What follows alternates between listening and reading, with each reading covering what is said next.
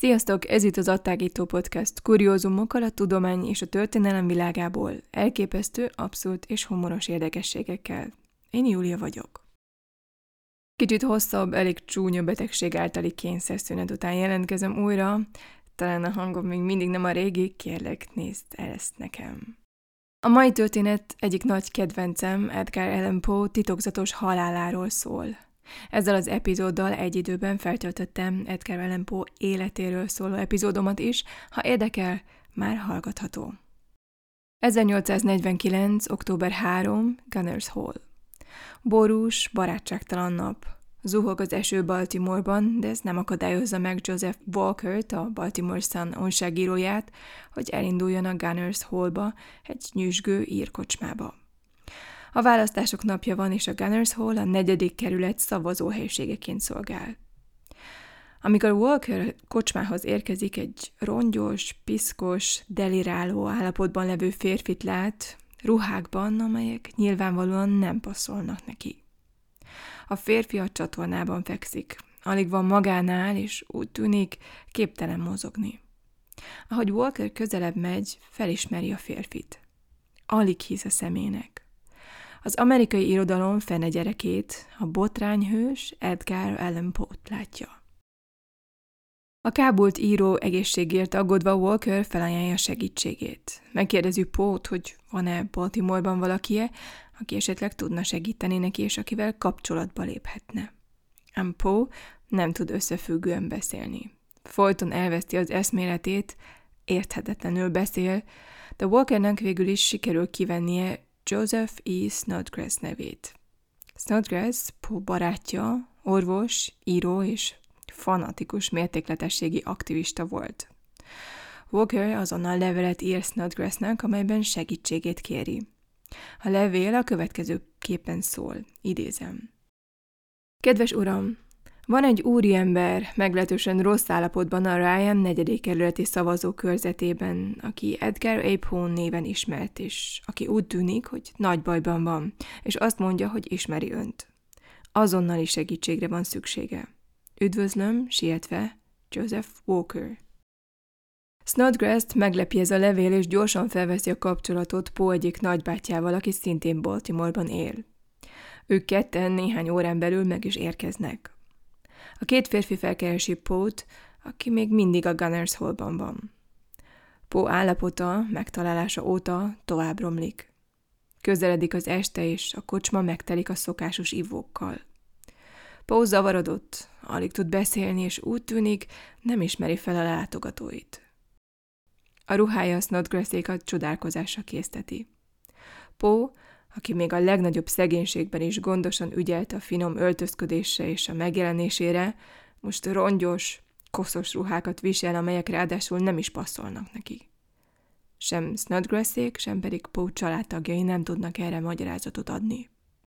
Poe 1849. szeptember 27-én indul el otthonról Filadelfiába, hogy egy barátja számára egy versgyűjteményt szerkesszen. Soha nem jut el oda. Nem jut vissza New Yorkba sem, ahol él, hogy nadnényét elkísérje a közelgő esküvőjére. Miután találkozik néhány baltimore barátjával, eltűnik. Hat nap után bukkan fel a Gunners Hall előtt, borzalmas állapotban. Snodgrass később így írt Poe megjelenéséről és állapotáról. Idézem. Az arca elgyötört volt, a haja ápolatlan és az egész kinézete visszataszító. A ruhája kopott és rosszul szabott volt, már ha egyáltalán lehetett mondani, hogy passzolt. Miután megérkezett a kocsi, megpróbáltuk a lábára állítani gondoskodásunk tárgyát, de már nem tudott mozogni. Ezért úgy vittük a kocsihoz, mintha hulla lenne, és ugyanúgy emeltük a kocsiba. Snodgrass és Pó nagybátyja biztosak abban, hogy Po az alkohol miatt van ilyen állapotban. Mivel rokonan nem hajlandó befogadni a költőt, Put kórházba szállítják, mégpedig a Washington Medical College kórházba, ahova délután 5 órakor érkezik meg. Poe itt tölti élete utolsó négy napját. Azt a négy napot, ami tele van kérdéssel, rejtőjel, és amiről alig van százszázalékos információnk. Az ember, aki néhányszor még látni fogja, az kezelő orvosa dr. John Joseph Moran, aki maga is elég kétes személyiség. Moran ugyan nem ismerte személyesen Poe-t, de történetesen rajongott az írásaiért. Kórházba érkezése után Poe a kórház egyik cellájába kerül, amelyet általában a részegeknek tartottak fenn. Itt a dolgok, mint a beteg, mint pedig a történelemkönyvek számára homályossá válnak. Pót egyedül tartják abban az ablaktalan szobában, egyetlen kezelő orvos a dr. Moran felügyelete mellett, aki végig kíséri utolsó napjait. Talán kisé furcsa, hogy elszigetelik Pót, és nem próbálnak kapcsolatba lépni a családjával vagy a barátaival. Egy Baltimore-ban élő unokatestvére, Nielsen Poe megpróbálja meglátogatni Edgart. Ahogy visszaemlékezésében írja, amint meghallottam, hogy a Medical College-ban van, átmentem hozzá, de az orvosai nem tartották tanácsosnak, hogy találkozzon vele, mivel nagyon nyugtalan volt. Utolsó órák az eltűnésével töltött hat nap, a delíriumos és leharcolt állapot, amelyben megtalálták, utolsó pillanatainak szemtanúi és hagyatékának őrzői megbízhatatlansága mind hozzájárulnak ahhoz, hogy halálát több mint másfél évszázad óta találgatások és bizonytalanságok övezik. Ami elfogadott tényen rendelkezésünkre áll, az a következő. Kórházba érkezése utáni reggelre Poe már erősen delirált. Sápat volt, izzadságban úszott. Poe utolsó napjait delíriumos rohamok között vizuális halucinációktól gyötörten töltötte. A halála előtti éjszakán kezelő orvosa dr. Moran beszámolója szerint Poe többször is egy bizonyos Reynolds után kiáltozott. A bökkenő ezzel kapcsolatban az, hogy senki Pót családja vagy barátai közül senkit nem ismert ezen a néven, sőt, még a történészek és a kutatók sem tudják őt azonosítani. Szívszorító az is, hogy a Richmondban élő feleségét is emlegette, noha Virginia ekkor már több mint egy éve nem élt. Poe ebben az állapotban marad vasárnap hajnali három óráig, amikor is úgy tűnik, mintha megnyugodna. Edgar Allan Poe 1849. október 7-én 40 éves korában feladja a küzdelmet az őt üldöző démonokkal, és deliránsan belecsúszik abba a titokzatos világba, amely oly sokáig foglalkoztatta, és amelyet oly mesterien festett le. Állítólag halkan még ezt mondja, Uram, segíts meg szegény lelkemet. Ezután Edgar Allan Poe nincs többé. De hol volt eltűnésének napjai alatt? Hogy mit csinált Pó október 3-a előtt, azt sajnos nem tudni. Egy héttel eltűnése előtt menyasszonya aggodalmát fejezi ki Edgar egészségével kapcsolatban, és orvosa azt tanácsolja neki, hogy ne utazzon. Lázas napokon keresztül. Ő mégis elutazik. Pónak ekkoriban furcsa kihagyásai vannak, például elveszti a csomagját, és képtelen újra megtalálni azt. És a sajátja helyett orvosa sétabotját viszi magával. Szeptember 27-én Richmondből Filadelfiába indul, hogy egy versgyűjteményt szerkeszten egyik ismerősének. Hat napra eltűnik. Tíz nap múlva halott. Dr. Moran, Poe utolsó orvos az évek során megpróbál hasznot húzni Edgar Allan Poe utolsó napjaiból. A sajtónak nyilatkozgat pénzért, de egyre gyakrabban keveredik ellentmondásokba. Többször is nyilatkozik Poe haláláról, és minden alkalommal kicsit változik a történet. Moran azonban mindenképp azt állítja, hogy Poe semmiképpen sem volt részeg, amikor megjelent a kórházban.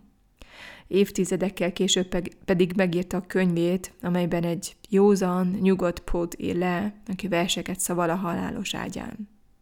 Hogy hol az igazság? Hogy mi is történt azon a négy kórházi napon? Valószínűleg sosem fogjuk megtudni. Mielőtt még rátérek a teóriákra, amelyek Po halála okairól szólnak, meg kell említenem egy alakot. Sok minden, amit Póról tudni vélünk, valójában tőle származik. Vele egyetemben számos ember ügyködött azon, hogy Po nevét bemocskolja. A legártalmasabbak közé tartozott ez a Rufus Griswold nevű férfi, aki riválisa, valamint ironikus módon Po irodalmi hagyatékának végrehajtója is volt. És a Pó halálát körülvevő rejté egyik főszereplője. Sokan még ma is úgy vélik, hogy Poe elmebeteg, melankolikus őrült volt, aki nem tudott megbirkózni a valóság korlátaival. A ma keringő, sötétebb Edgar Allan Poe legendák és mítoszok nagy része nem az író életéből, hanem a gyász jelentéséből származik. Ezt a gonoszkodó szöveget a már említett Rufus Griswold tiszteletes írta. A nem éppen szent életű férfiú Ludwig álnéven írta a gyászjelentést, és gondoskodott arról, hogy tele legyen nyílt rágalmakkal, amelyek Pót egy olyan részeges, drogfüggő, züllött alaknak állítják be, amilyennek sokan még ma is lefestik. A tiszteletesnek, ahogyan ezt el lehet képzelni, személyes oka volt Pó bemocskolására. Az évek során ők ketten hol barátok, hol ellenségek, hol irodalmi riválisok voltak.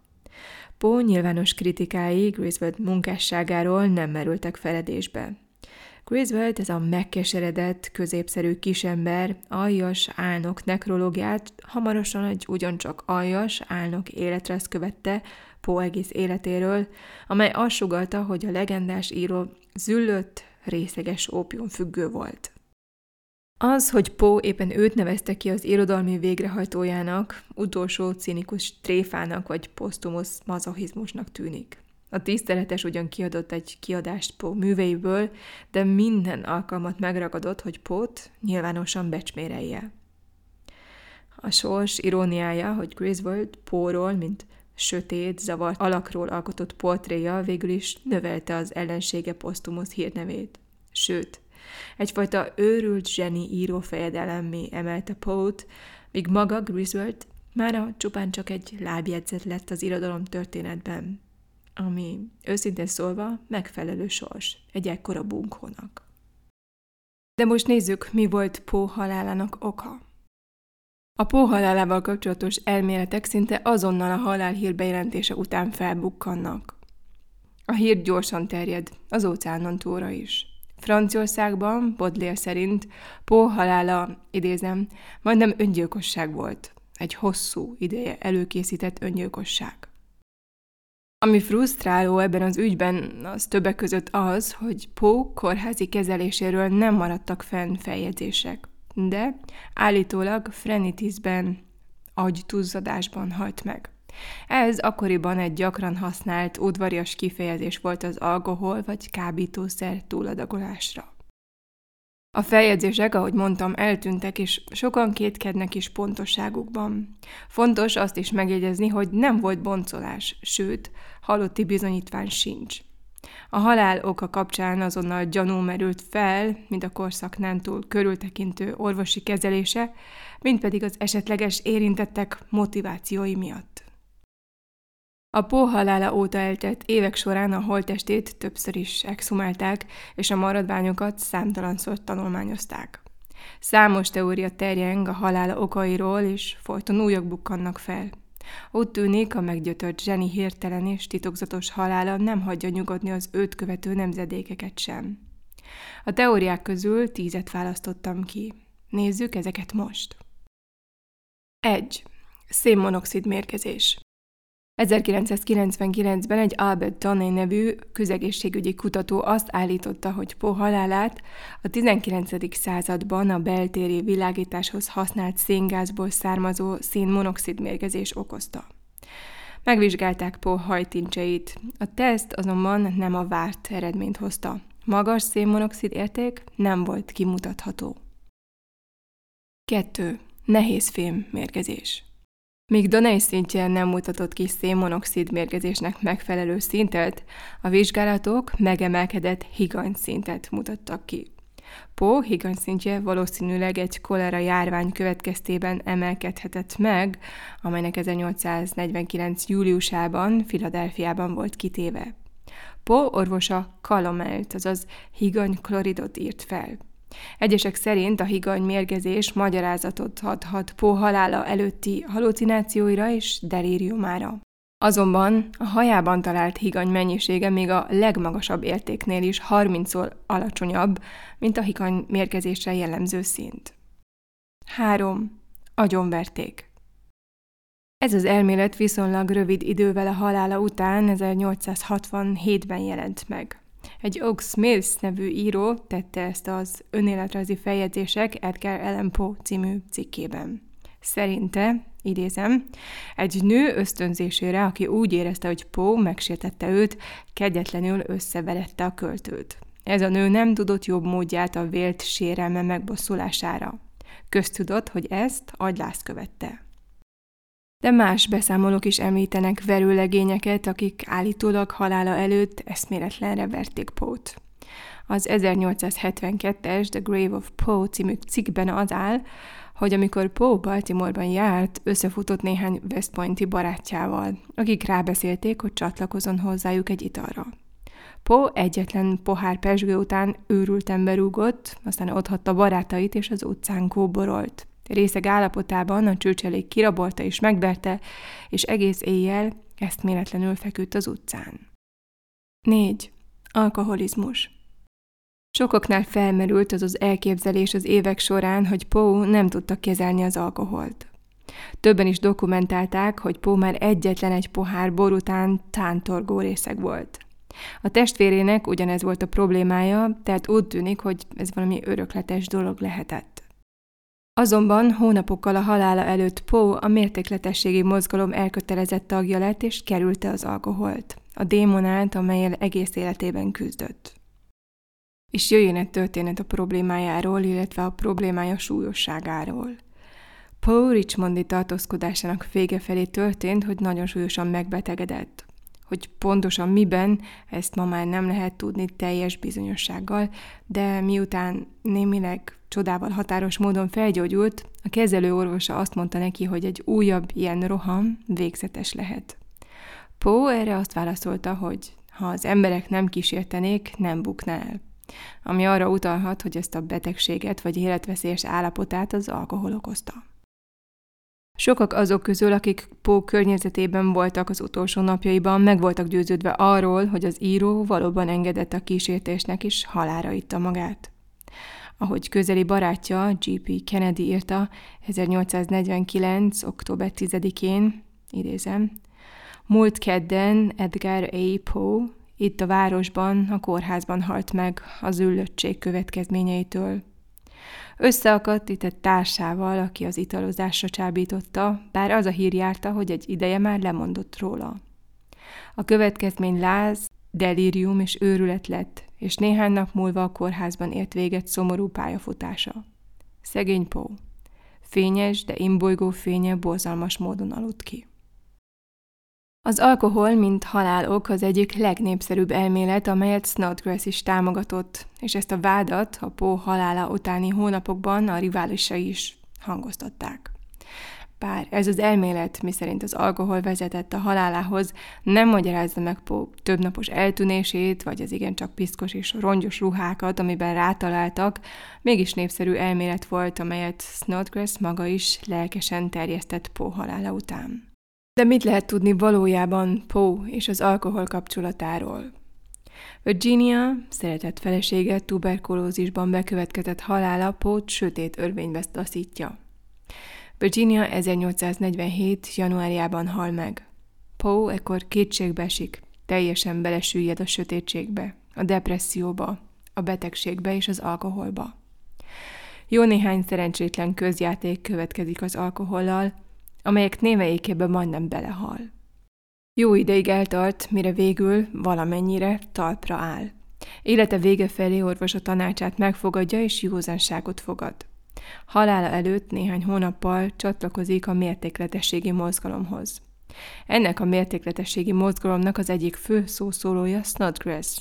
Snodgrass, aki később az országot járva tart előadásokat, amelyekben Poe halálát és állítólagos mértéktelen ivászatát negatív példaként hozza fel. Poe-t használja fel példaként a szeszes ital veszélyeire. Idővel azonban egyre többen is megkérdőjelezik ezeket a körülményeket és Snodgrass beszámolóját. Jó néhány ismerőse szerint Poe valójában nagyon visszafogott ivó volt. Nem sokkal a halála előtt még az alkohol betiltását is szolgalmazta. De ki tudja, hogy nem ivott-e az út során. Vajon ez megmagyarázza a napokig tartó delíriumot, amely aztán a sírba vitte? A modern tudomány aztán véglegesen megcáfolta Snodgrass érvelését. A halála után Pó hajából vett minták alacsony ólomszintet mutatnak, ami arra utal, hogy Pó egészen a haláláig hű maradt a józansági fogadalmához. 5.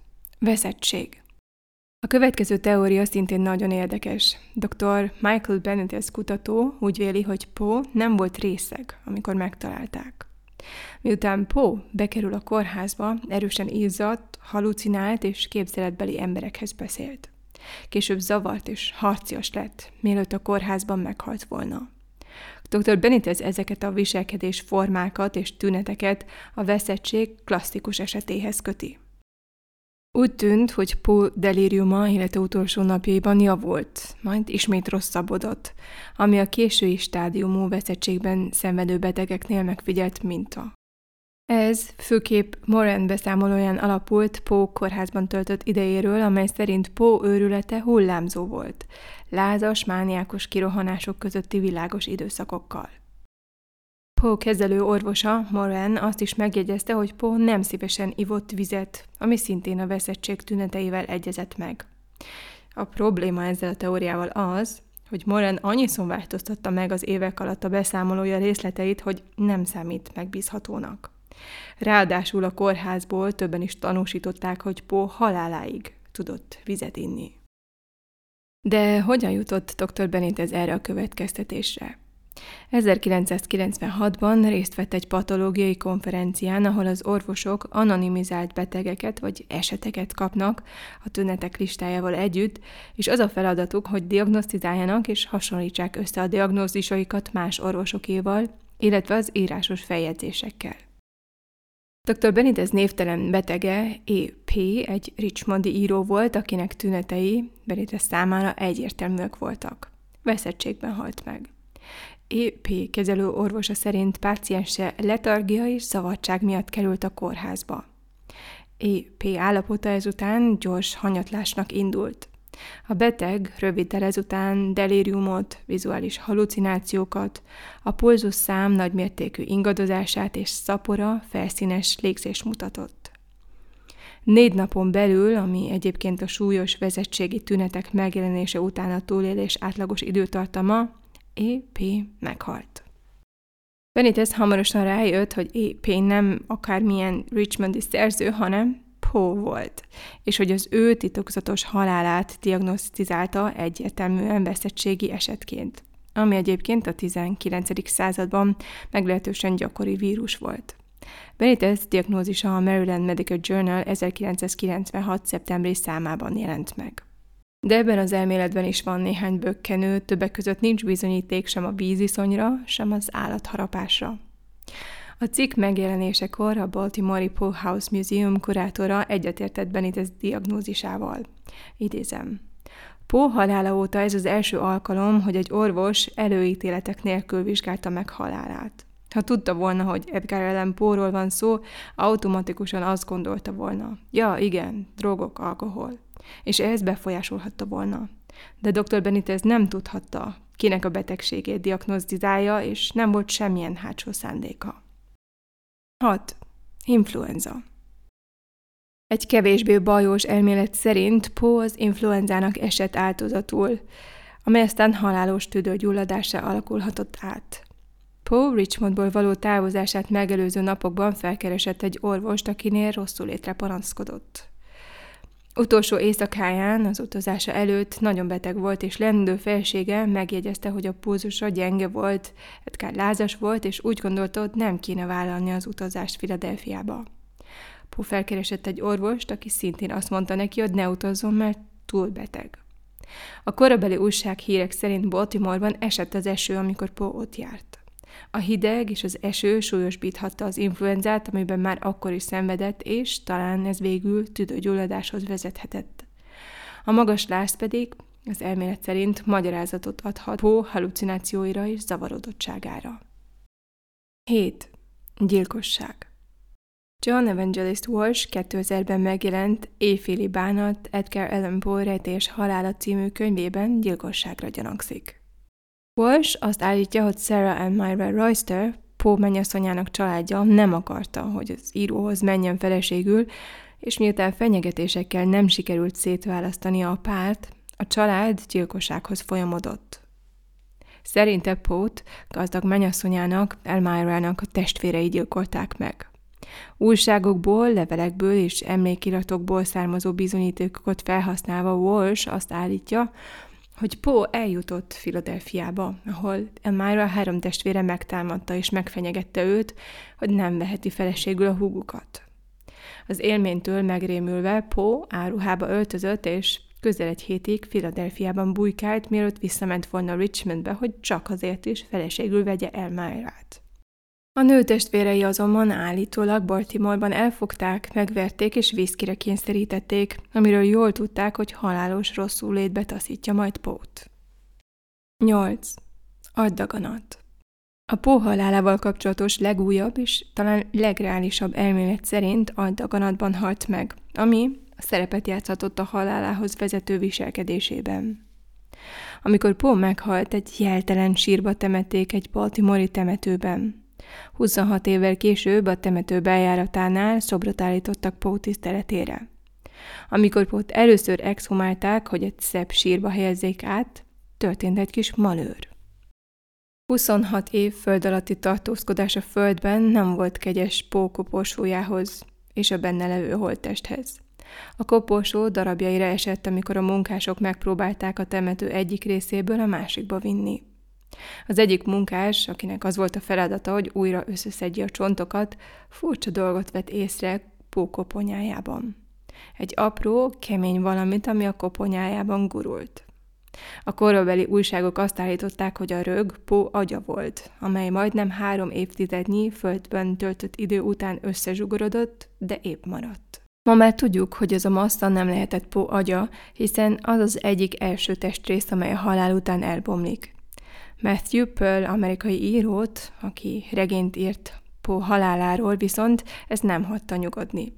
Felvette a kapcsolatot egy törvényszéki patológussal, aki elmondta neki, hogy bár a csomó nem lehet Pó agya, de lehet agydaganat, amely a halál után kemény masszával messzesedhetett. És nem Pearl volt az egyetlen, aki szerint Pó agydaganatban szenvedett. Egy New Yorki orvos egyszer állítólag azt mondta Pónak, hogy van egy elváltozás az agyában, ami az alkoholra adott extrém reakcióit okozza. 9. Epilepsia a következő számomra szintén nagyon érdekes elmélet az epilepsia elmélet. Egyes kutatók feltételezik, hogy halála előtt Poe téves diagnózist kapott, mivel a komplex epilepsziás rohamokat ebben az időszakban még nem ismerték, vagy nem ismerték jól. Poe állítólag komplex parciális epilepsziában szenvedhetett, egy olyan betegségben, amelyet az alkoholkonzum súlyosbíthatott és befolyásolhatott. Edgar Allan Poe az amerikai irodalmat színesítette azzal, hogy novelláiban részletes leírását adta egy-egy roham tüneteinek, jelenségeinek. Poe számos olyan elbeszélést írt, amelyek epizodikus eszméletvesztéssel, zavarodottsággal és paranoiával küzdő karaktereken alapulnak, és amelyek az életében tapasztalt saját élményeivel állnak párhuzamban. Pónál időszakos pszichotikus fázisok jelentkeztek. Halucinációk léptek fel nála, amelyeket delirium tremensként értelmeztek. Ezeket az állapotokat felerősíthette vagy kiválthatta az alkohol, akár kis mennyiségben is. Egyébként található több a rohambetegség jelenlétére utaló jel Po jó néhány novellájában. Csak egy példa álljon erre itt most, az elsietett temetés. Itt például leírja az én elbeszélő fokozatos süllyedését egy különös, katalepsziás állapotba, amit az izmok mozdulatlansága, merevsége jellemez, a mozgás és a beszéd képessége nélkül, ám megmaradt érzékelési képességgel. Az elbeszélés borzalma abból fakad, hogy a szereplő azt hiszi, hogy élve eltemették. Választási csalás, cooping. Végül jöjjön az utolsó teória. A cooping, a választási csalás gyakorlata nagyon elterjedt volt Baltimoreban a választási időszakokban. Többen úgy vélik, hogy Pó is ennek az áldozatává vált, amely a szervezett bandák egyik módszere volt, akiket korrupt politikusok fizettek azért, hogy ártatlan járókelőket, átutazókat és hajléktalanokat raboljanak el. A gyanútlan áldozatokat elrabolták, megverték, alkoholt kényszerítettek beléjük, és részegen elcipelték őket a szavazóhelyiségbe, hogy újra és újra ugyanarra a jelöltre szavazzanak. Hogy ne tűnjön fel, az áldozatokat többször is különféle áruhákba öltöztették. A választási csalás e formája rendkívül gyakori volt Baltimoreban az 1800-as évek közepetáján, és a Gunners Hall, ahol Walker megtalálta a deliráló pót, szavazóhelységként is szolgált. Igen, a 19. században általános gyakorlat volt, hogy a szavazást ivóhelységekben is tartották. Az a tény tehát, hogy Pót a választás napján delirált állapotban találják meg, talán nem véletlen. Az évek során ez, a Cooping elmélet vált az egyik legszélesebb körben elfogadott magyarázattá Pó halála előtti furcsa viselkedésére. Pó halála éppen a választások idején történt. Október 4-én volt a sheriff választás. Ha őt is elrabolt egy ilyen banda, talán bántalmazták, talán többször is alkoholt adtak neki, és talán kényszerítették arra, hogy többször is szavazzon. Ez megmagyarázná például azt is, hogy Paul miért nem a saját ruhait viselte, és hogy miért volt annyira kritikus, deliráló állapotban. És végül néhány szó a temetéséről. Paul történeten nem lehet teljes a halála utáni történetek nélkül. Utolsó szavai, Uram, segíts meg szegény lelkemet, már önmagukban, egyszerűségükben is megkapóak, már ha valóban ezek voltak az utolsó szavai. Életének tragikus végét még szomorúbbá teszi, hogy mindössze hét ember vett részt a temetésén. Úgy tűnik, unnak a testvére, Nielsen Poe senkivel nem tudotta, hogy a híres író meghalt.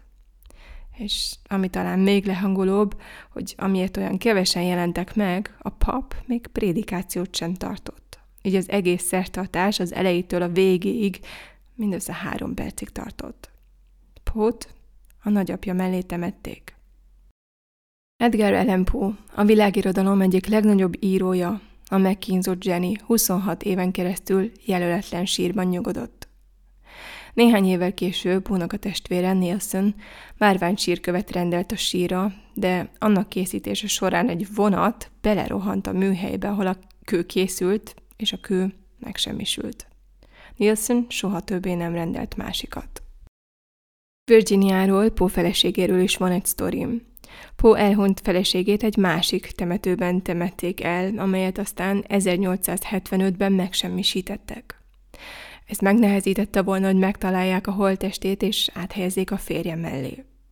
Egy William Gill nevű férfi, fanatikus pórajongó és a néhai író egy másik életrajzírója azonban már korábban kihantolta Virginia maradványait. Több évig őrizte őket, méghozzá egy dobozban az ágya alatt. Virginiát végül 1885-ben temették férje mellé. Edgar Allan Poe 2009-ben, 160 évvel a halála után Baltimoreban végre méltó temetésben részesült. Holtestének egész alakos másolatát lovaskocsin vitték ki egykori otthonából, és szállították a temetőbe.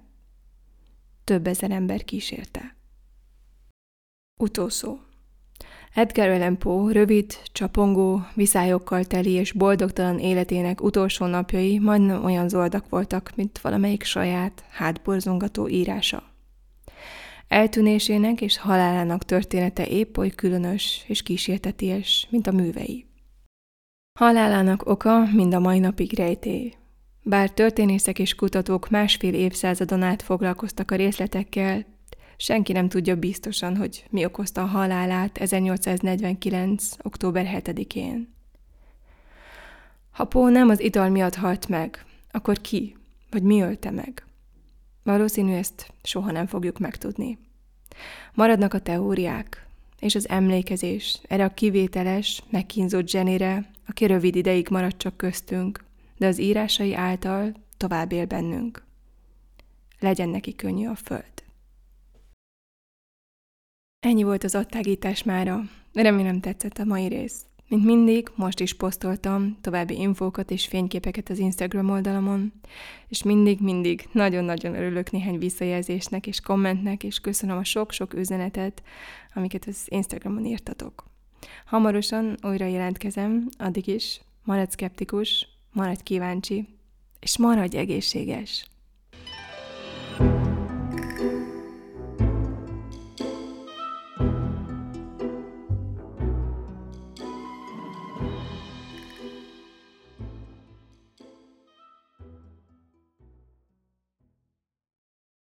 Ha más podcastekre is kíváncsi vagy, hallgassd meg a Béton műsor ajánlóját. El tudod képzelni, hogy a podcastet, amit éppen most hallgattál, fél év múlva már a mesterséges intelligencia generálja? Mi sem. De ha érdekel, eljötte már a gépek lázadása. Hallgass bele az Embertelen podcastbe. Orsós Lajos vagyok, a műsor házigazdája. Egyelőre még élőben. Egyelőre. Fedezzük fel együtt, hogyan ismerkedik, randizik, mesél és vitatkozik Betty és Péter, két teljesen mesterséges intelligencia. Lajos, a podcast címét mond még egyszer, Léci. Oké. Okay. Embertelen podcast. Ez a műsor a Béton közösség tagja.